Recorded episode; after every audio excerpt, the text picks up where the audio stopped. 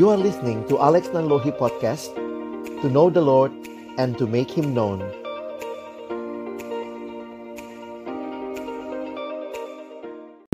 Senang sekali malam ini boleh ketemu dengan teman-teman semua dan topik kita malam hari ini kita akan bicara apa arti Paskah bagimu.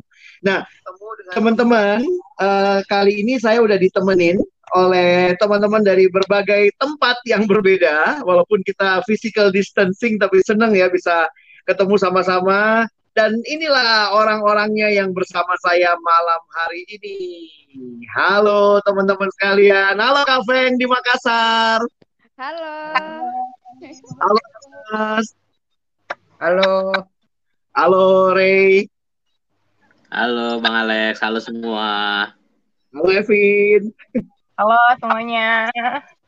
Aduh, senang banget ini bisa ketemu dan sama-sama uh, kita mau berbagi malam ini ya. Dan topik kita malam ini seperti yang tadi kita udah lihat ya, topik pentingnya apa arti Paskah bagimu. Nah, teman-teman, uh, kita juga pengen denger gitu ya. Karena itu teman-teman di live chat, silahkan nanti juga boleh uh, interaksi dengan kita. Nanti teman-teman tolong bacain ya live chatnya ya. yang oh, yang uh, Ray atau Evin atau Feng boleh lihat teman-teman yang live chat. Siap. Dan kita sama-sama share dulu kali ya. Aku pengen denger nih teman-teman kegiatannya ngapain aja sih selama social distancing, physical distancing ini. Um, gimana, Ray gimana? Apa yang dilakukan sih selama ini? Uh, selama ini kan uh, udah hampir tiga minggu ya, hampir empat minggu. Uh, aku di kam apa bantuin teman-teman di kampus buat bikin persekutuan online terus juga uh, ya cari cara lah gimana bisa keep kontak sama teman-teman yang uh, di apa PJJ belajar jarak jauh beberapa teman-teman yang skripsian juga aduh kasihan kan uh, semester akhir bimbingan tapi jarak jauh kayak gitu aduh nasibnya luntang lantung jadi banyak nemenin banyak ngobrol sama teman-teman yang uh, masih belajar di jarak jauh gitu. Oh gitu. Kalau Evin ngapain aja, Vin? Aku kemudian ya kerja lah ya, biasa ngatur-ngatur jadwal di persiapan buat siswa kelas 12 untuk camp yang tidak jadi itu.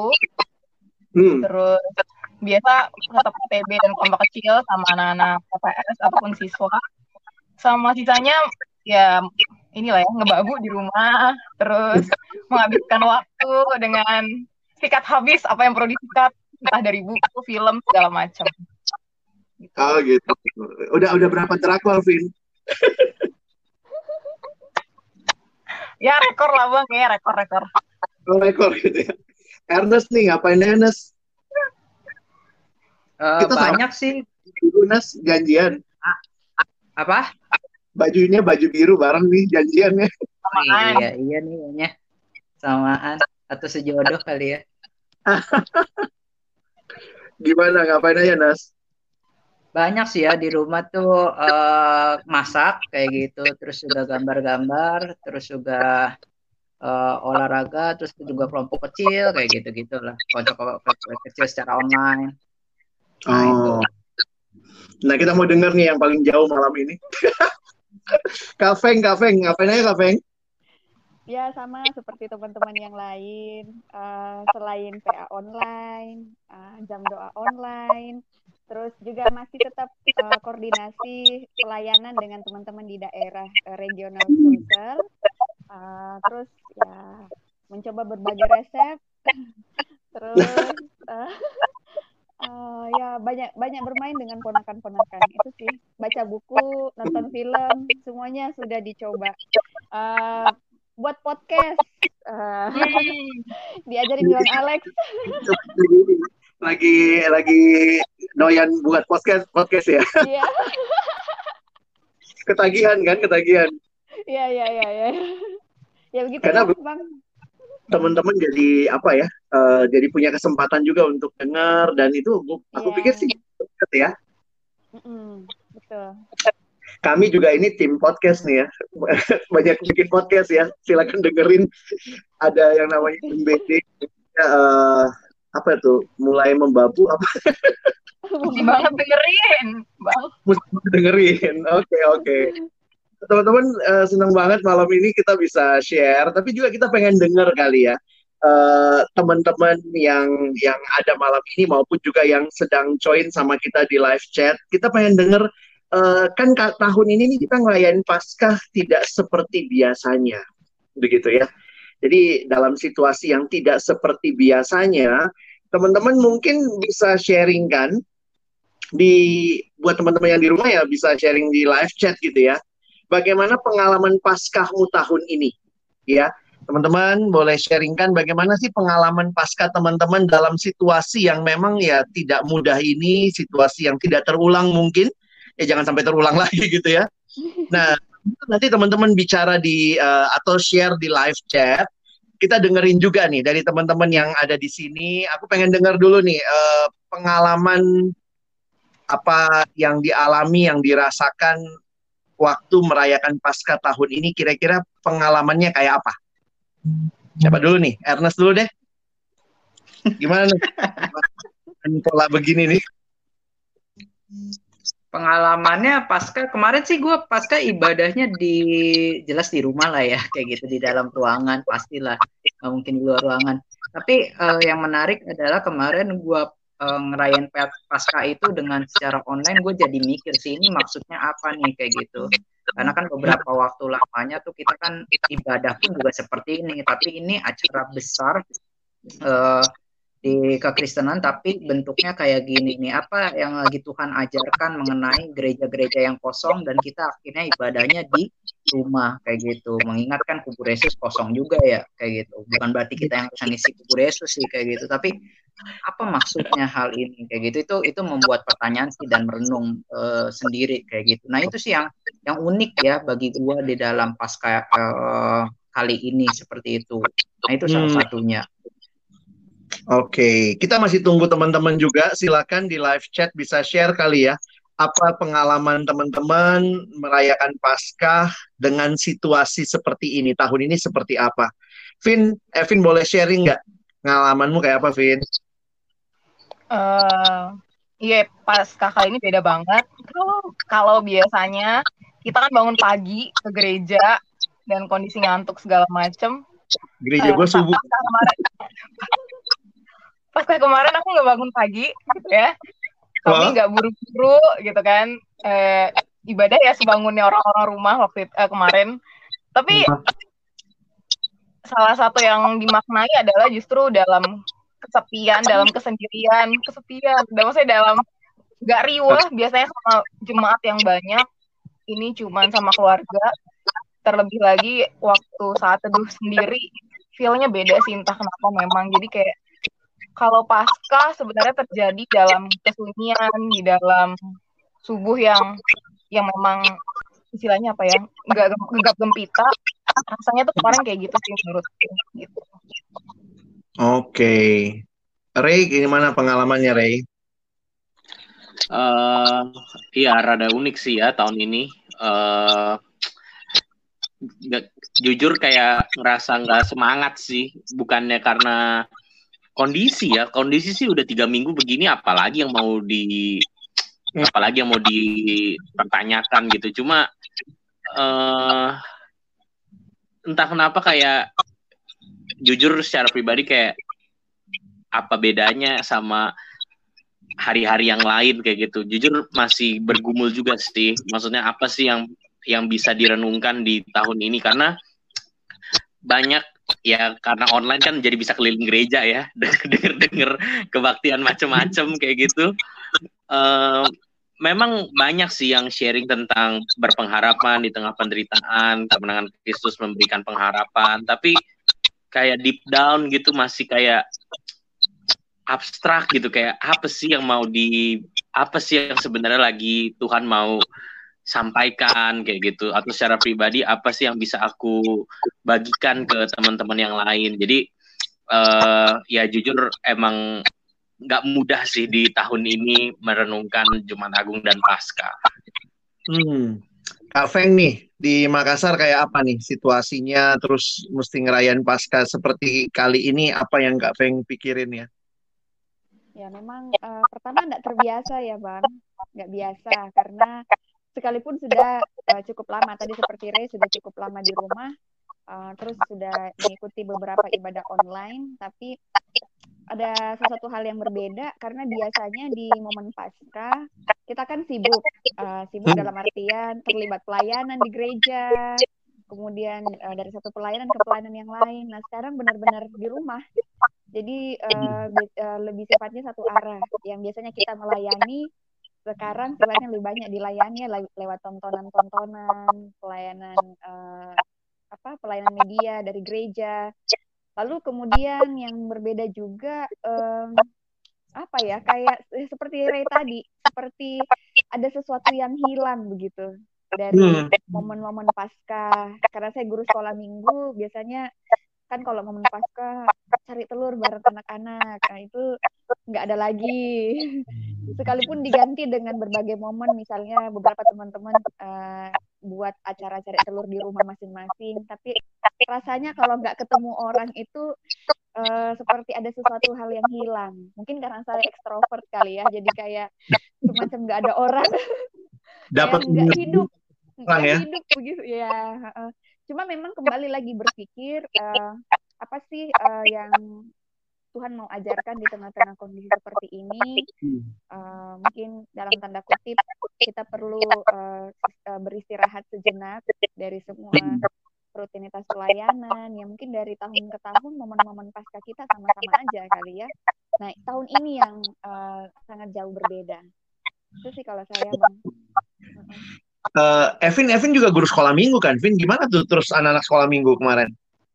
Uh, kebetulan aku tim kreatifnya sekolah minggu, jadi kami tetap bikin video, aku bikin kreativitas dan tetap bikin siapin video buat anak-anak, nyiapin materi juga buat anak-anak. Jadi ya mereka tetap sekolah minggu streaming juga ibadah paskahnya. Gitu. Cuman oh. memang aktivitasnya sengaja aku bikin supaya anak-anak bisa interaksi satu sama lain, ya walaupun di WA group sih sebenarnya. Gitu. Tapi kayak gitu apa mereka mesti ngirimin foto yang mereka buat kah atau gimana tuh? Iya kayak uh, gitu, ah, kayak gitu bang. Jadi hmm. mereka kirim ucapan paskahnya, gimana kreativitasnya mereka gitu. Iya, nah teman-teman mungkin juga yang yang mau sharing kali ya, gimana pengalamannya boleh di live chat bisa share yang yang baru masuk sih baru satu nih ya dari Bung Amos Dendo Bali hadir. Ah, halo teman-teman di Bali iya. Meista, bisa... Meista Bang Alex. Siapa? Meista juga udah ngechat. Ray, Ray bisa bacain soalnya saya saya agak susah membacanya. Oh, uh, halo Meista. Kalau aku pasca tahun ini memang nggak semangat biasanya karena euforianya beda banget. Jatuhnya sama aja seperti ibadah minggu biasa. Oh iya karena maksudnya ibadah minggunya pun udah biasa online ya beberapa minggu ini gitu ya. Terus paskanya online iya. juga. Jadi hmm. euforianya beda kayak biasanya. Oke, okay. ada lagi nggak yang ngasih tanggapan mungkin di live chat? Baru itu aja. Oke. Okay. Nah teman-teman kita coba lanjut ya. Saya pengen juga menggali tentu ya seperti yang teman-teman bilang tadi ya. Jadinya jadi lebih merenung, lebih reflektif kali ya pasca tahun ini terus bertanya Tuhan mengapa demikian? begitu ya. Uh, nah boleh tahu nggak teman-teman apa yang jadi apa ya ada nggak ayat yang berkesan buat teman-teman waktu merayakan pasca tahun ini? Mungkin ada ayat yang menyentuh atau mungkin juga bukan yang ayat yang tahun ini banget tapi beberapa bulan terakhir tahun-tahun sebelumnya waktu merayakan pasca apa sih ayat yang berkesan buat teman-teman? Mungkin boleh share dulu dari Kak Feng dulu nih kali ini. Apa yang berkesan buat Kak Feng? Ya, uh, di dalam momen-momen ini uh, kebetulan uh, saya PA menggunakan bahan Matius dan memang mm -hmm. itu masa bahannya itu masa-masa di akhir ketika uh, Yesus sudah uh, mau disalibkan.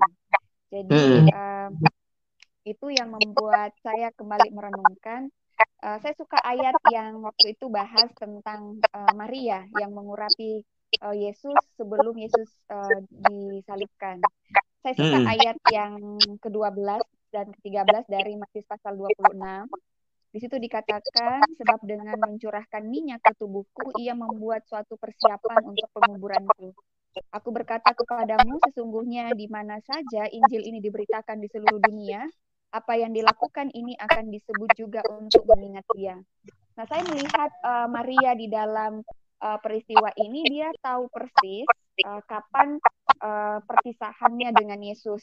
Dia tahu persis bahwa ini adalah masa-masa terakhir uh, Maria bersama dengan Yesus, sehingga dia dengan begitu uh, totalitas untuk uh, melayani Yesus dengan uh, mencurahkan minyak, memperingati penguburan Yesus, gitu ya. Karena kan Yesus sudah berkali-kali memberitahukan kepada murid-murid bahwa dia akan disalibkan.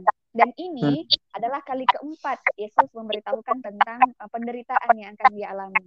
Murid-murid yang lain nggak nggak ngeh, nggak tahu mungkin atau mungkin bagi beberapa murid biasa-biasa saja. Tetapi saya melihat uh, satu sikap hati dari Maria yang begitu totalitas mempersiapkan perpisahannya dengan Yesus dan melihat uh, bagian ini di akhir dari pasal 20 uh, di akhir dari ayat uh, pembacaan ini di pasal 3 apa sorry ayat 13 uh, di situ Yesus sendiri yang memberitahukan kepada semua orang bahkan termasuk kita kepada pembaca bahwa apa yang dilakukan Maria ini akan diingat diingat oleh semua orang setiap kali uh, Injil diberitakan. Berarti sesuatu hal yang sangat berharga yang dikerjakan oleh Maria. Dan itu membuat saya uh, merenungkan, saya pasca uh, kali ini, apakah memang uh, kita lebih banyak uh, apa ya dalam tanda kutip melakukan pemborosan seperti yang mungkin dipikirkan oleh para murid atau mungkin berpikir uh, berbuat bagi orang miskin tapi sebenarnya kita nggak full heart ke Yesusnya. Nah itu yang menjadi uh, sesuatu hal yang bagi saya ini luar biasa nih tindakan Maria, seorang perempuan yang pada waktu itu mungkin nggak terlalu dianggap. Nah itu yang membuat saya terkesan dengan bacaan saya ini. Sekaligus memang masa-masa untuk waktu baca ini masa-masa di mana memang persiapan untuk bahan-bahan pasca di gereja. Jadi cukup uh, menguatkan sih kak. Uh -uh. Oke, okay. thank you banget Kak Feng. Udah mulai share. Ini kesempatan nih Kak Feng yang nunjuk nih, mau nunjuk siapa nih? yang sharing berikutnya. Oh ya, uh, karena emansipasi wanita Kak. Jadi Evin lah ya. Evin, Evin. Terima kasih Kak Feng. Terima kasih kepercayaannya dioper ke saya. Uh, Sebenarnya waktu ditanya soal ayat yang berkesan buat Paskah gitu ya Bang entah yang tahun ini atau tahun-tahun sebelumnya. Ya beberapa kali kan menemukan perikopnya sebenarnya sama. Nah cuman tahun ini sebenarnya cukup berkesan karena uh, ya kalau aku sempat bilang sama bang Alex duh jangan dong bang gitu. Karena aku merasa kayak yang tahun ini agak beda ayatnya yang aku dapat gitu yang aku nikmatin yang aku alamin. Jadi kalau teman-teman ada yang saat teduh dari ODB uh, semoga aku nggak salah hari gitu ya enggak lah uh, dari Yohanes 20 kemarin aku saat teduh. Entah kenapa waktu baca bagian kisah yang Maria di kubur Yesus, waktu dua kali Maria dapat pertanyaan, Ibu, mengapa engkau menangis? Uh, entah kenapa itu tuh pertanyaan yang menurutku di tengah situasi yang sepi sendiri itu baca bagian itu tuh seperti ngena buat aku gitu. Kenapa ngena? Uh, karena waktu baca itu uh, Maria kan pasti di posisi dia datang, dia tuh berharap ngelihat Yesus, kan dia habis punya perasaan kehilangan gitu kan, nggak percaya mungkin atau gimana.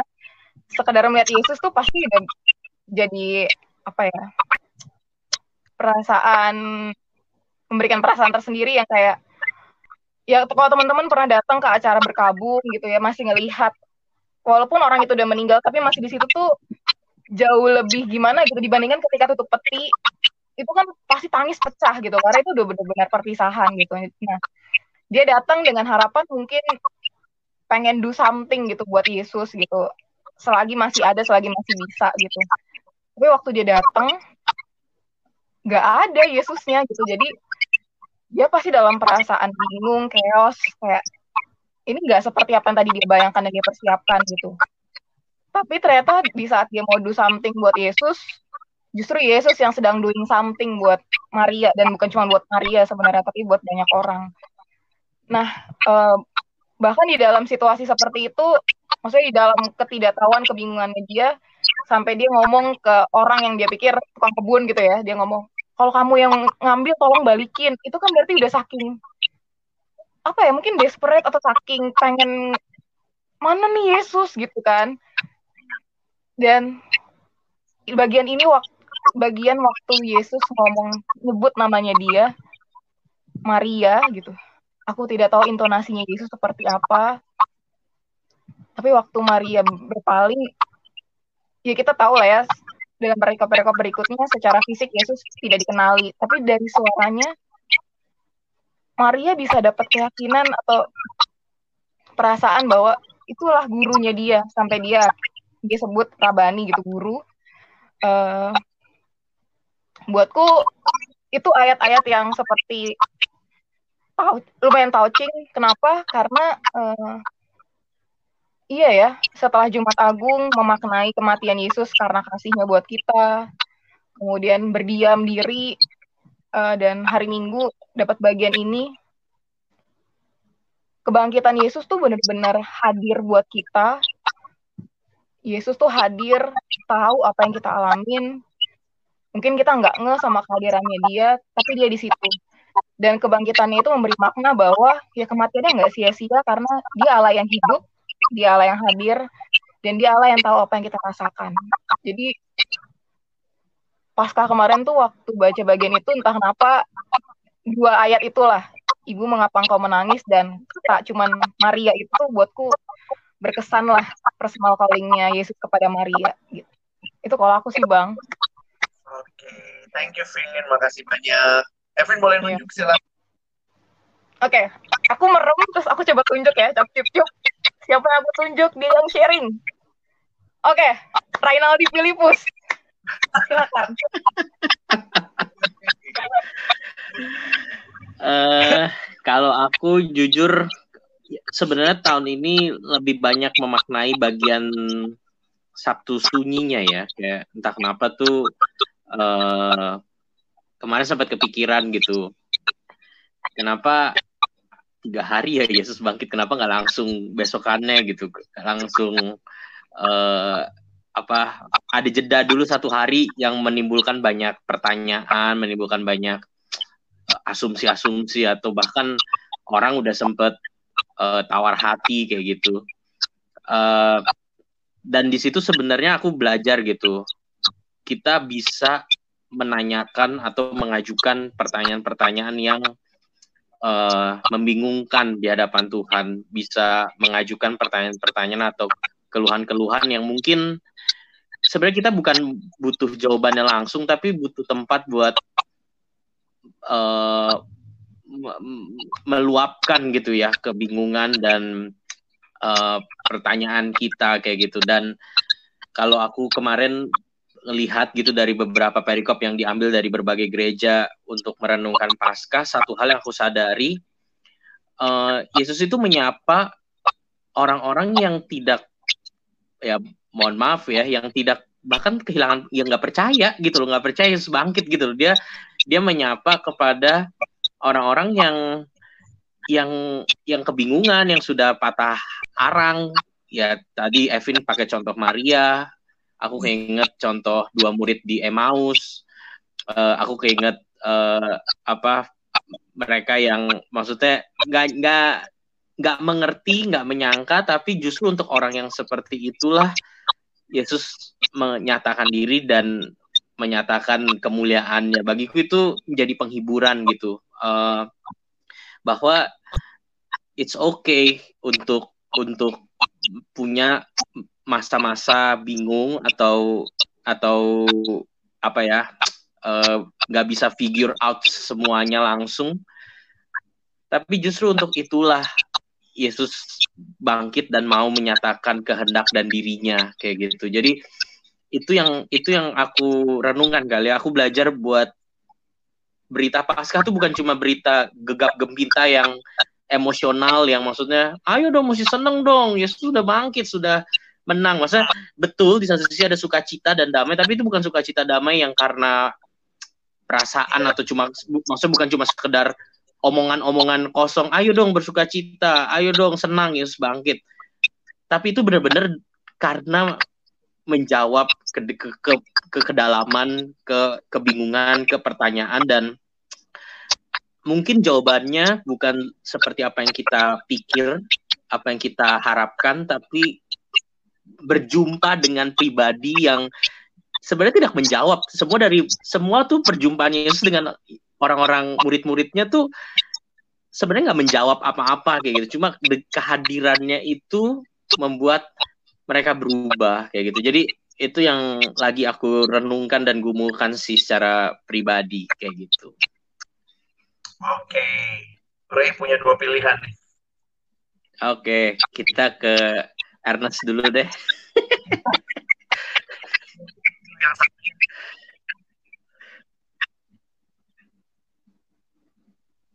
Silakan okay.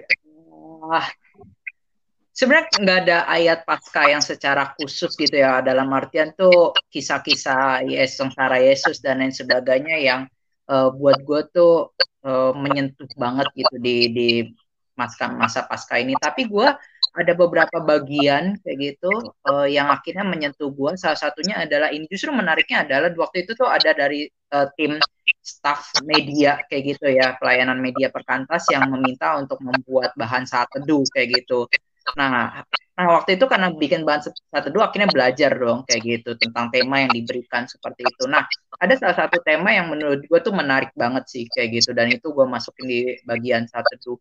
Nah, gue akhirnya belajar tentang God as a gardener kayak gitu. Tuhan sebagai pengebun atau tukang kebun kayak gitu. Nah, itu bagi gue tuh menarik banget. Kenapa?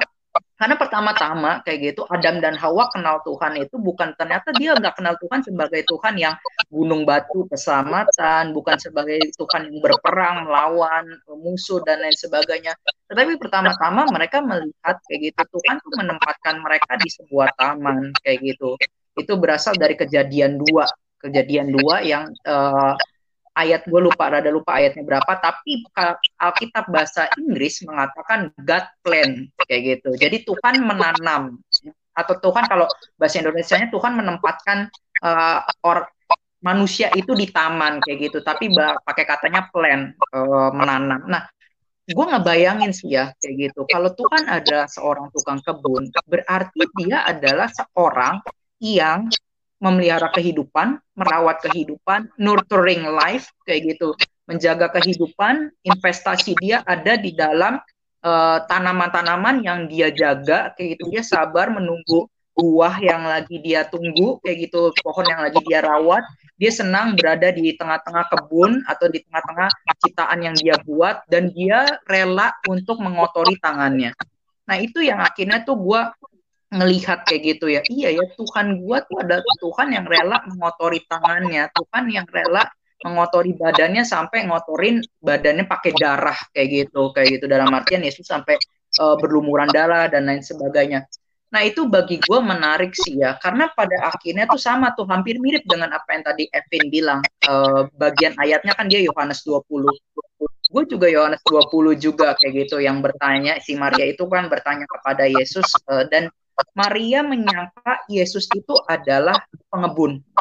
Kayak gitu. Yesus itu adalah gardener. Walaupun masuk akal sih, siapa lagi yang pagi-pagi ada di, di kebun situ kalau bukan yang jaga kebun kayak gitu. Tapi Alkitab bahasa Indonesia makanya kan kata penunggu kebun kayak gitu, penunggu taman. Nah, kalau misalnya uh, bahasa Inggris pakai kata gardener. Nah, iya ya gue jadi ingat lagi, iya ya Yesus itu ternyata yang menjaga kehidupan kayak gitu, yang memelihara kehidupan, apalagi dengan kondisi yang seperti ini, COVID dan lain sebagainya.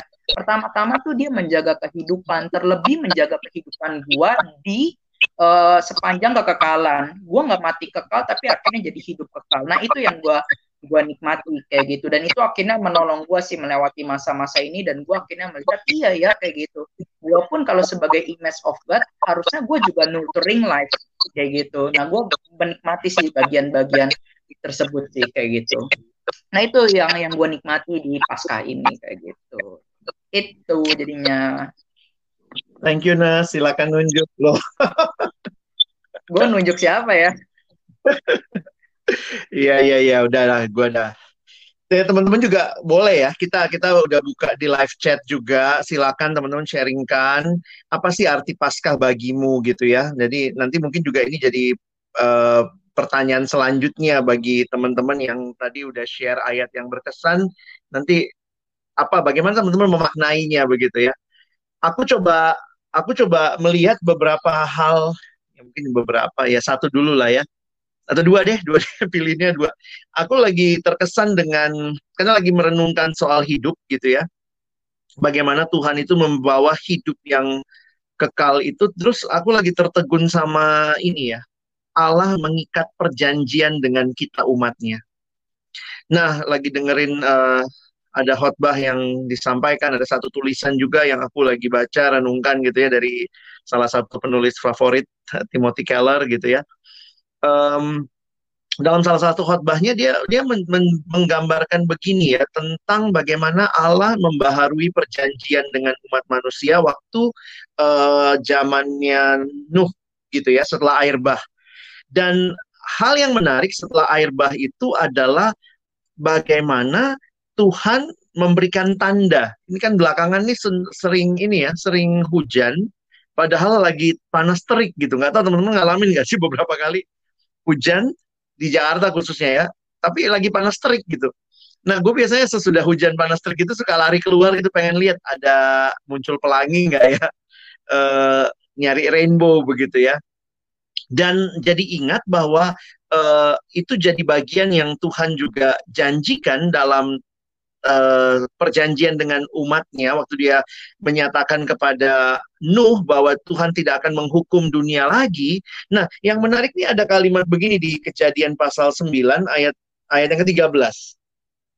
Saya baca dari ayat 12 kali ya, dari ayat 12 dibilang dan Allah berfirman, inilah tanda perjanjian yang akan kuadakan antara aku dan kamu serta segala makhluk yang hidup yang bersama-sama dengan kamu turun temurun untuk selama-lamanya.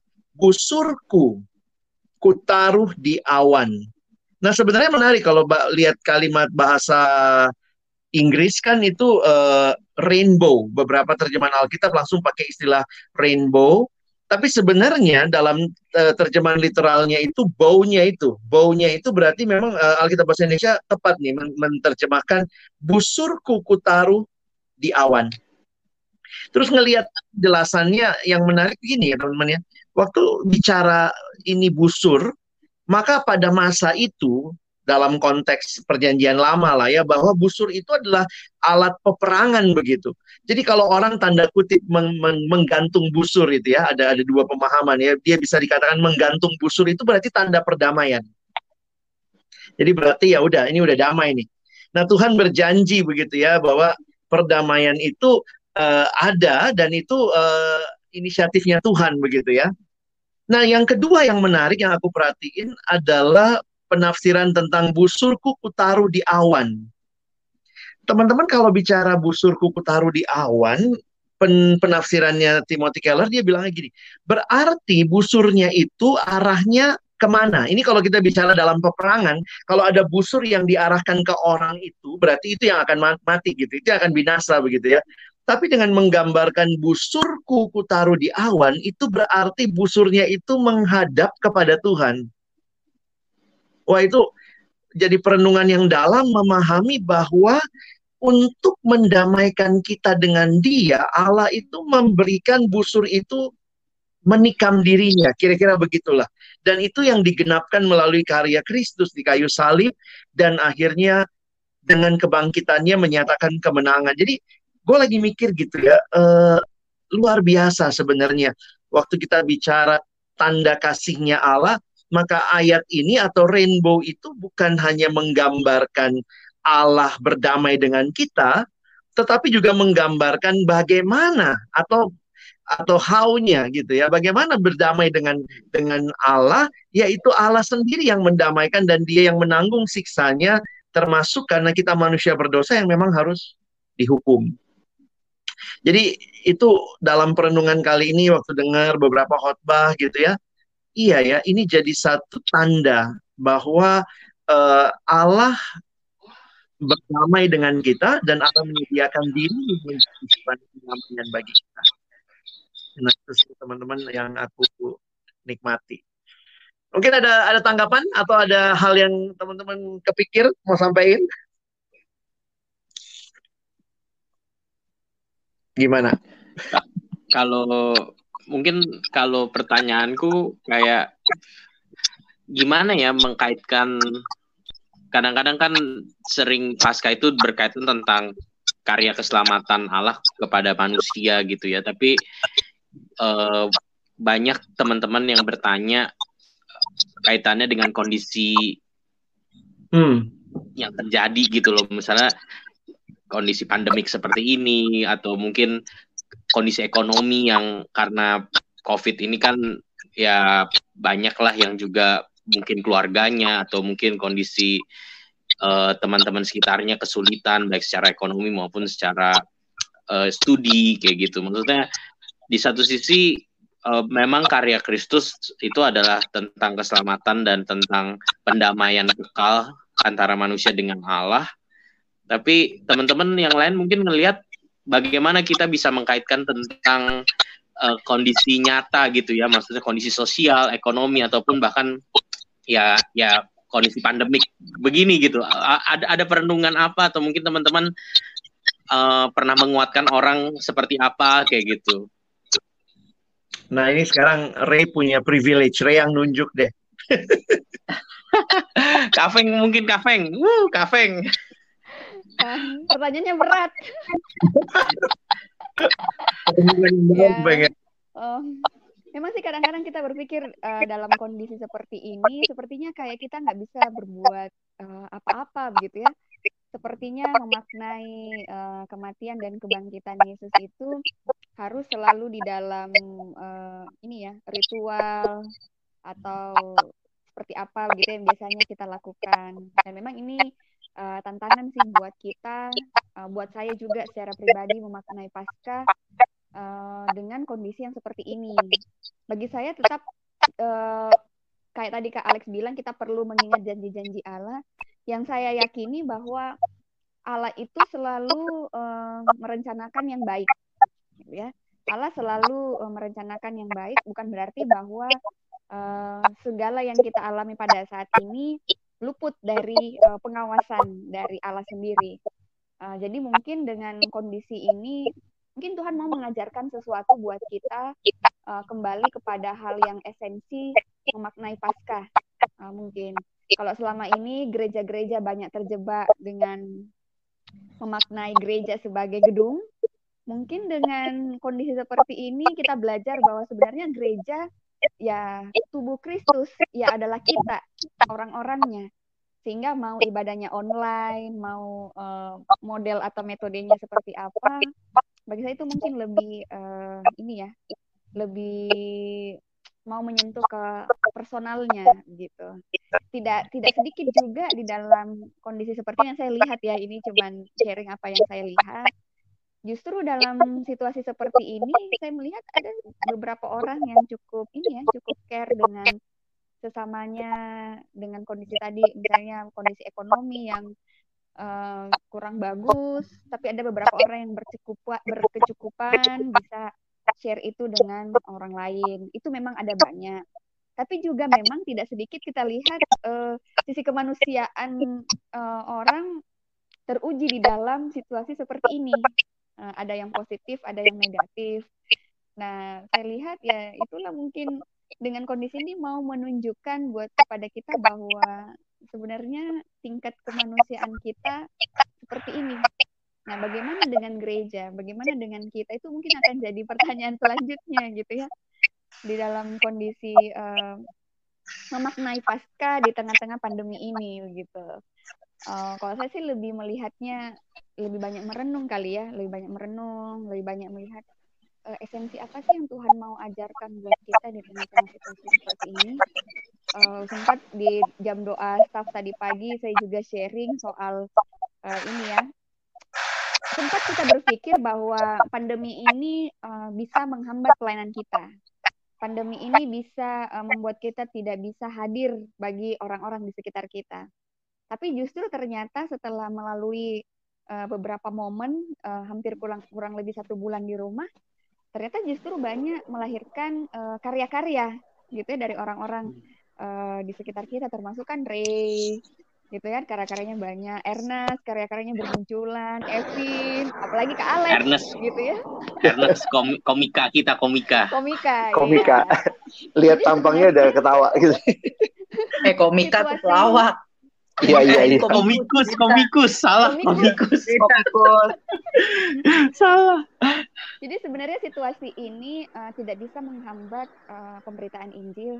Tidak bisa menghambat berita tentang uh, apa yang Yesus sudah lakukan uh, buat kita sebagai orang yang berdosa, yang sudah mati dan kemudian bangkit, dan itu yang menjadi satu momentum seharusnya bagi kita sebagai orang Kristen untuk melihat bahwa Paskah bukan ritual, uh, bukan hanya sekedar uh, aktif di gereja, tapi bagaimana uh, sebenarnya sisi kemanusiaan kita terlihat seperti Yesus yang sudah terlihat gitu ya kasihnya kepada umat manusia mungkin dengan Hmm. situasi ini Tuhan menantang kita bagaimana kasih kita uh, bagi sesama kita manusia di tengah-tengah kita sama-sama sulit nih ya, Hmm. sama-sama Hmm. mengalami kondisi sulit nah itu mungkin yang uh, saya sih banyak merenungkan uh, kondisi itu sehingga tidak tidak menjadi satu hal yang bagi saya harus uh, diam di rumah, tidak berbuat sesuatu, tidak memberitakan Injil, tidak memberitakan hal kebenaran kepada orang-orang yang seharusnya perlu mendengar. Bahkan obrolan kita hari ini kan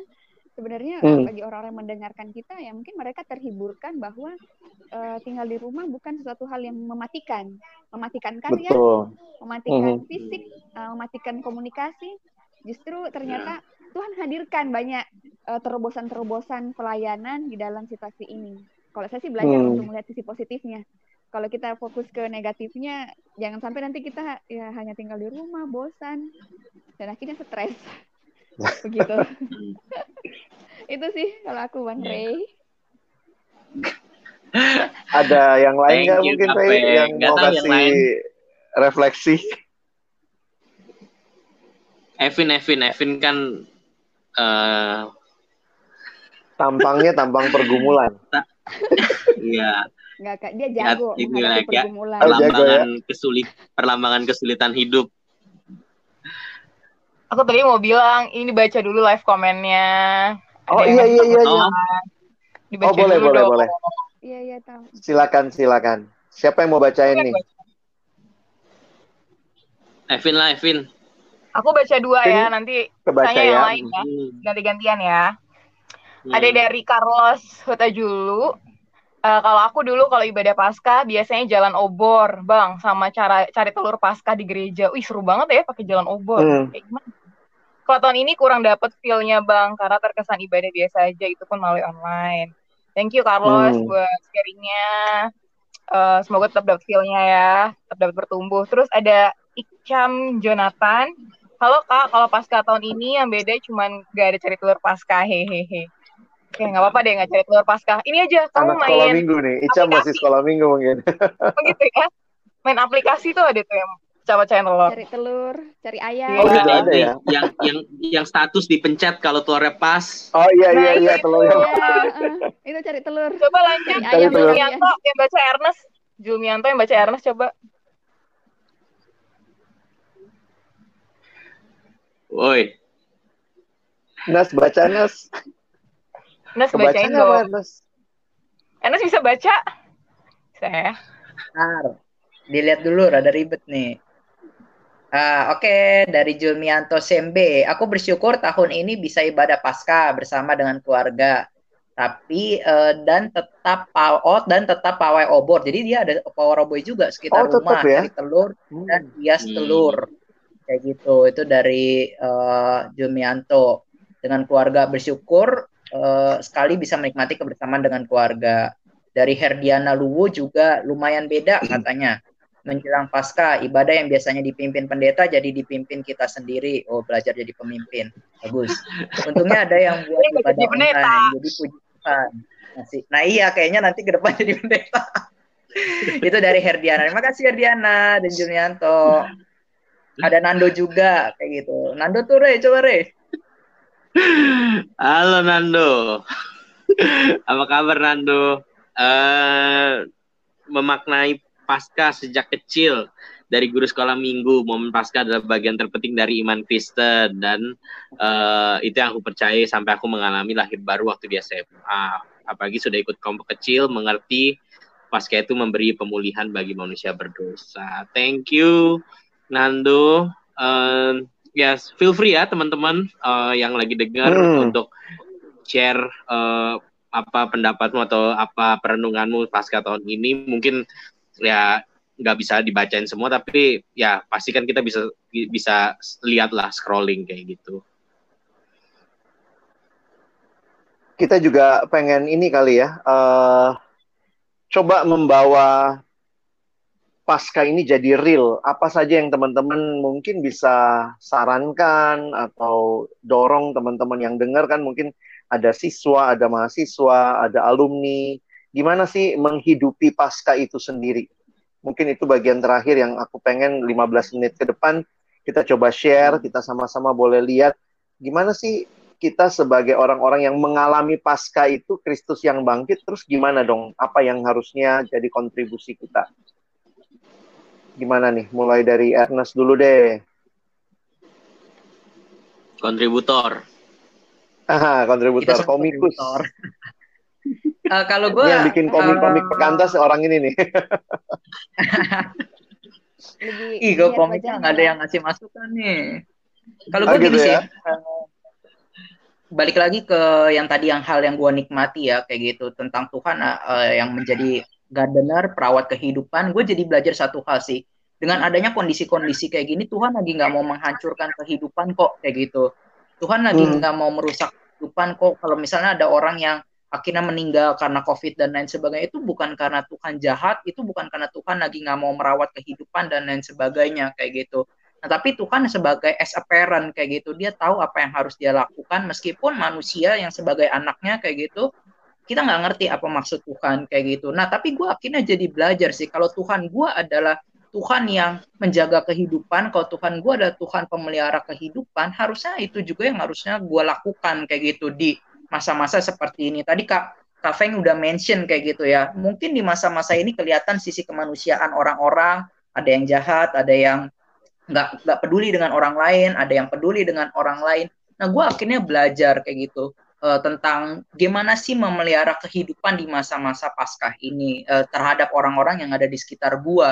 Nah, hmm. gue kebetulan nih kayak gitu di masa-masa pasca gue tuh tinggalnya di kantor jadi bukan di rumah gue yang kalian lihat backgroundnya di belakang ini nah ini rumah gue kayak gitu tapi gue tinggalnya di kantor dan yang menarik di kantor adalah gue tuh uh, orang yang salah satu orang yang males masak gitu tapi hmm. di kantor gue masak kayak gitu. Masak buat ada beberapa orang di sana. Ya setidaknya ada rasanya lah kalau gue masak kayak gitu ya. Rasanya pengen mukul atau rasanya pengen ngatain kayak gitu. Itu doang rasanya ya masih gitu. asal nggak asal nggak mati asal nggak mati masih hidup.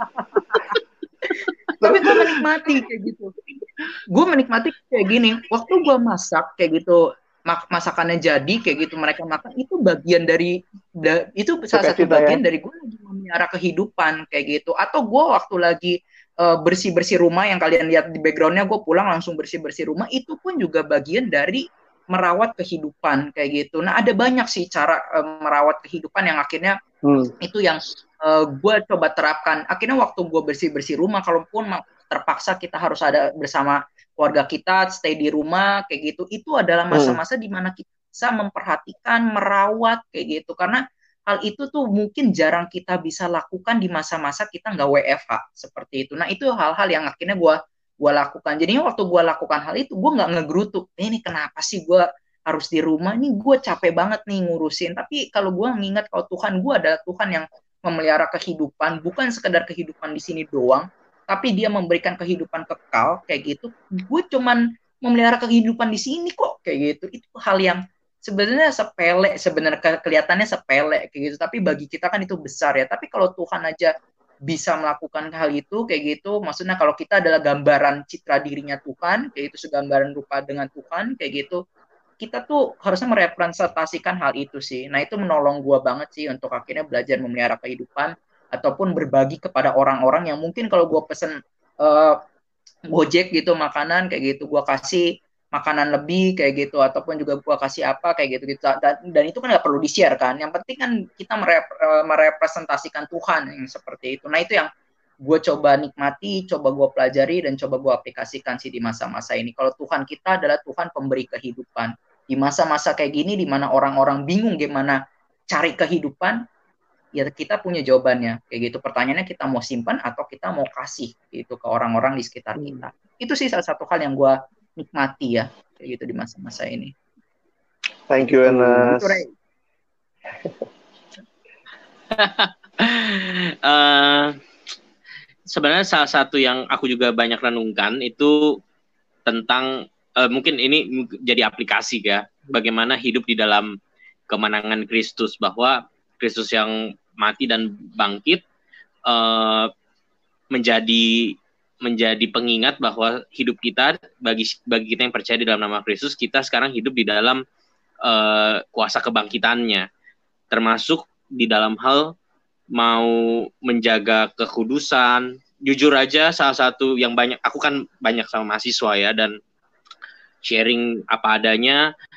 Ternyata di masa-masa WFH ini juga lebih mudah uh, jatuh ke dosa-dosa pribadi atau mungkin tergoda untuk berbuat curang dalam belajar jarak jauh misalnya. Itu hmm. uh, itu itu itu hal yang nggak ada yang lihat gitu nggak nggak ada yang nggak ada yang perhatikan. Uh, bisa jam kuliahnya jalan tapi dia sambil ngapain. Maksudnya ketika sendiri uh, di situlah kita tahu apa yang sebenarnya terjadi sama diri kita kayak gitu. Dan uh, perayaan atau momen Paskah ini kiranya boleh menjadi pengingat bahwa hidup kita sepenuhnya sudah ditebus oleh Tuhan supaya uh, kita boleh menjalaninya dengan kuasa kebangkitannya menolong kita untuk boleh tetap setia boleh tetap kudus, boleh tetap suci, tet boleh tetap penuh kasih dan bahkan bisa menyatakan kasih itu dalam berbagai hal kayak gitu. Aku aku jujur banyak ngomong di mahasiswa gitu ya.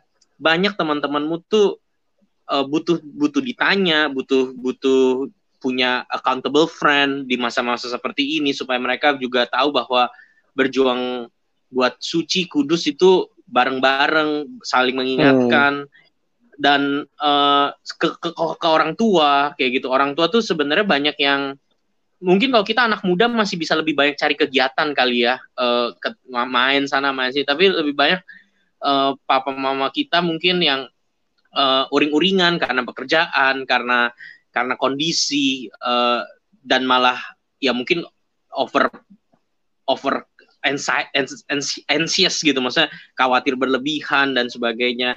Kehadiran kita sebagai anak di rumah itu juga bisa menjadi perenungan di paskah kita kali ini bagaimana menghidupi kuasa kebangkitan Allah menjadi saksi-saksi uh, mungkin gak serta merta langsung uh, berbuat hal yang besar gitu ya. Apa maksudnya melakukan eh, hal-hal uh, yang langsung hebat atau atau gimana. Tapi hmm.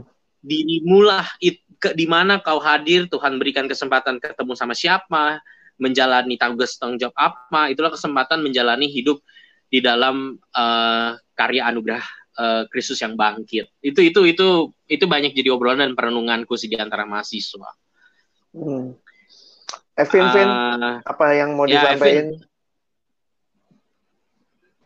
Uh, agak mirip sama Ray kali ya karena tadi yang kalau refleksi yang aku dapetin di Paskah kemarin soal ya Yesus yang hidup itu tuh ya namanya hidup ya berarti dia hadir, dia mendengar dan dia melakukan sesuatu dalam masa-masa ini juga beberapa orang ya mungkin termasuk aku gitu kan bertanya-tanya ini sebenarnya apa sih yang sedang terjadi, apa yang sedang Allah perbuat. Maria punya ekspektasi datang ke kubur ngelihat Yesus tapi ternyata dia nggak lihat. Tapi ternyata di balik itu ada yang jauh lebih besar sedang Allah kerjakan. Nah, mungkin itu juga yang sekarang ini sedang uh, aku juga imani begitu dan harapkan bisa juga dibagikan kepada orang banyak atau ke orang lain, setidaknya orang-orang sekitarku yang memang lagi butuh pengharapan, butuh iman, butuh penguatan, bagaimana juga hadir buat mereka, mendengarkan dan mengerti apa yang mereka rasakan dan alami, begitu. Karena juga di bagian tadi, perikop tadi kan juga kita lihat bagaimana Yesus yang juga mengerti kebutuhan Maria. Paling kalau aku sih itu aja. Oke. Teman-teman udah banyak hal yang kita sharingin. Ini jadi satu apa ya kesempatan juga buat teman-teman yang dengar coba refleksi dan ada satu informasi yang kita mau sampaikan. Teman-teman bisa lihat yang scrolling di bawah nih saya tampilin yang lebih gede ya. Nah, ada pasca perkantas tanggal 18 April hari Sabtu jam 16.30. Ini juga akan live stream ya dari YouTube channel Perkantas Jakarta. Jadi teman-teman dari berbagai kota juga yang mau ikut karena ini ada di YouTube, jadi semua bisa ikut, bisa join bersama, beribadah bersama, dengar firman sama-sama. Jadi biarlah ini jadi kesempatan kita bersama-sama ya merayakan Paskah dan kembali lagi diteguhkan. Oke, teman-teman kita mau dengar nih sebagai closing statement ada pesan-pesan yang teman-teman mau sampaikan apa yang mungkin menyemangati teman-teman yang mendengar dari berbagai daerah nih ada 19 orang nih paling tidak yang masih on sampai sekarang. Silakan mulai dari yang paling muda. Siapa yang paling muda nih? Aku ya. Eh. yang paling muda siapa, Vin? Nah, gue, gue, yang paling muda. Gue, gue. Beda bulan sama Ernest. Wish, Ernest tua ternyata ya. Lebih dulu Ernest daripada aku. Ernest Maret. Mm -mm. Uh, closing statementnya ya? Udah tiba-tiba ngeblank.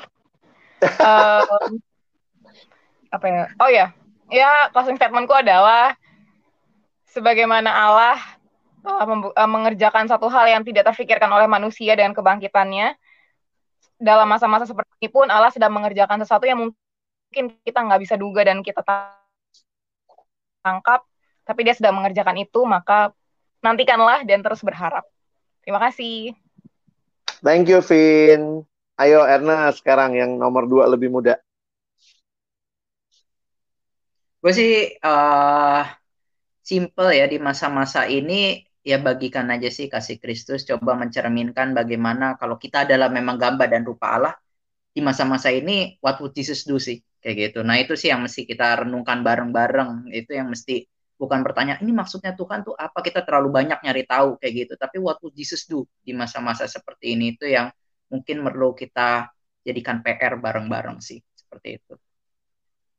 Thank you Nas. Ah Ray nih, Ray kan lebih muda dari Feng ya. Iya. Ya. Begini ketahuan, ketahuan deh. Ketahuan deh. Diurutin soalnya. Uh, aku keinget ini ya, apa hafalan ayat sepasang hmm. Yohanes hmm. 3 ayat 16 sama satu Yohanes 3 ayat 16 kayak gitu. Hmm. Yohanes 3:16 kan mungkin itu ayat hafalan semua anak uh, di dunia ya.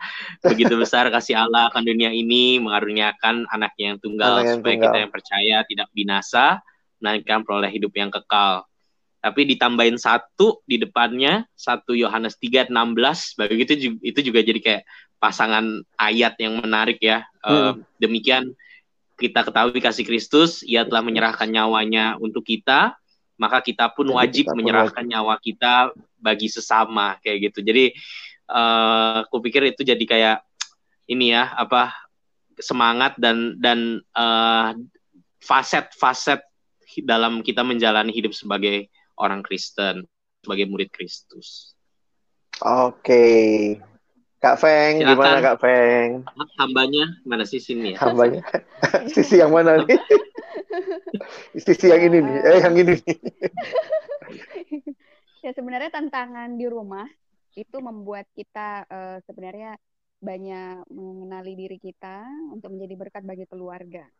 Jadi kalau biasanya sebagai orang yang melayani Tuhan di siswa mahasiswa kita lebih banyak hadir bagi siswa dan mahasiswa.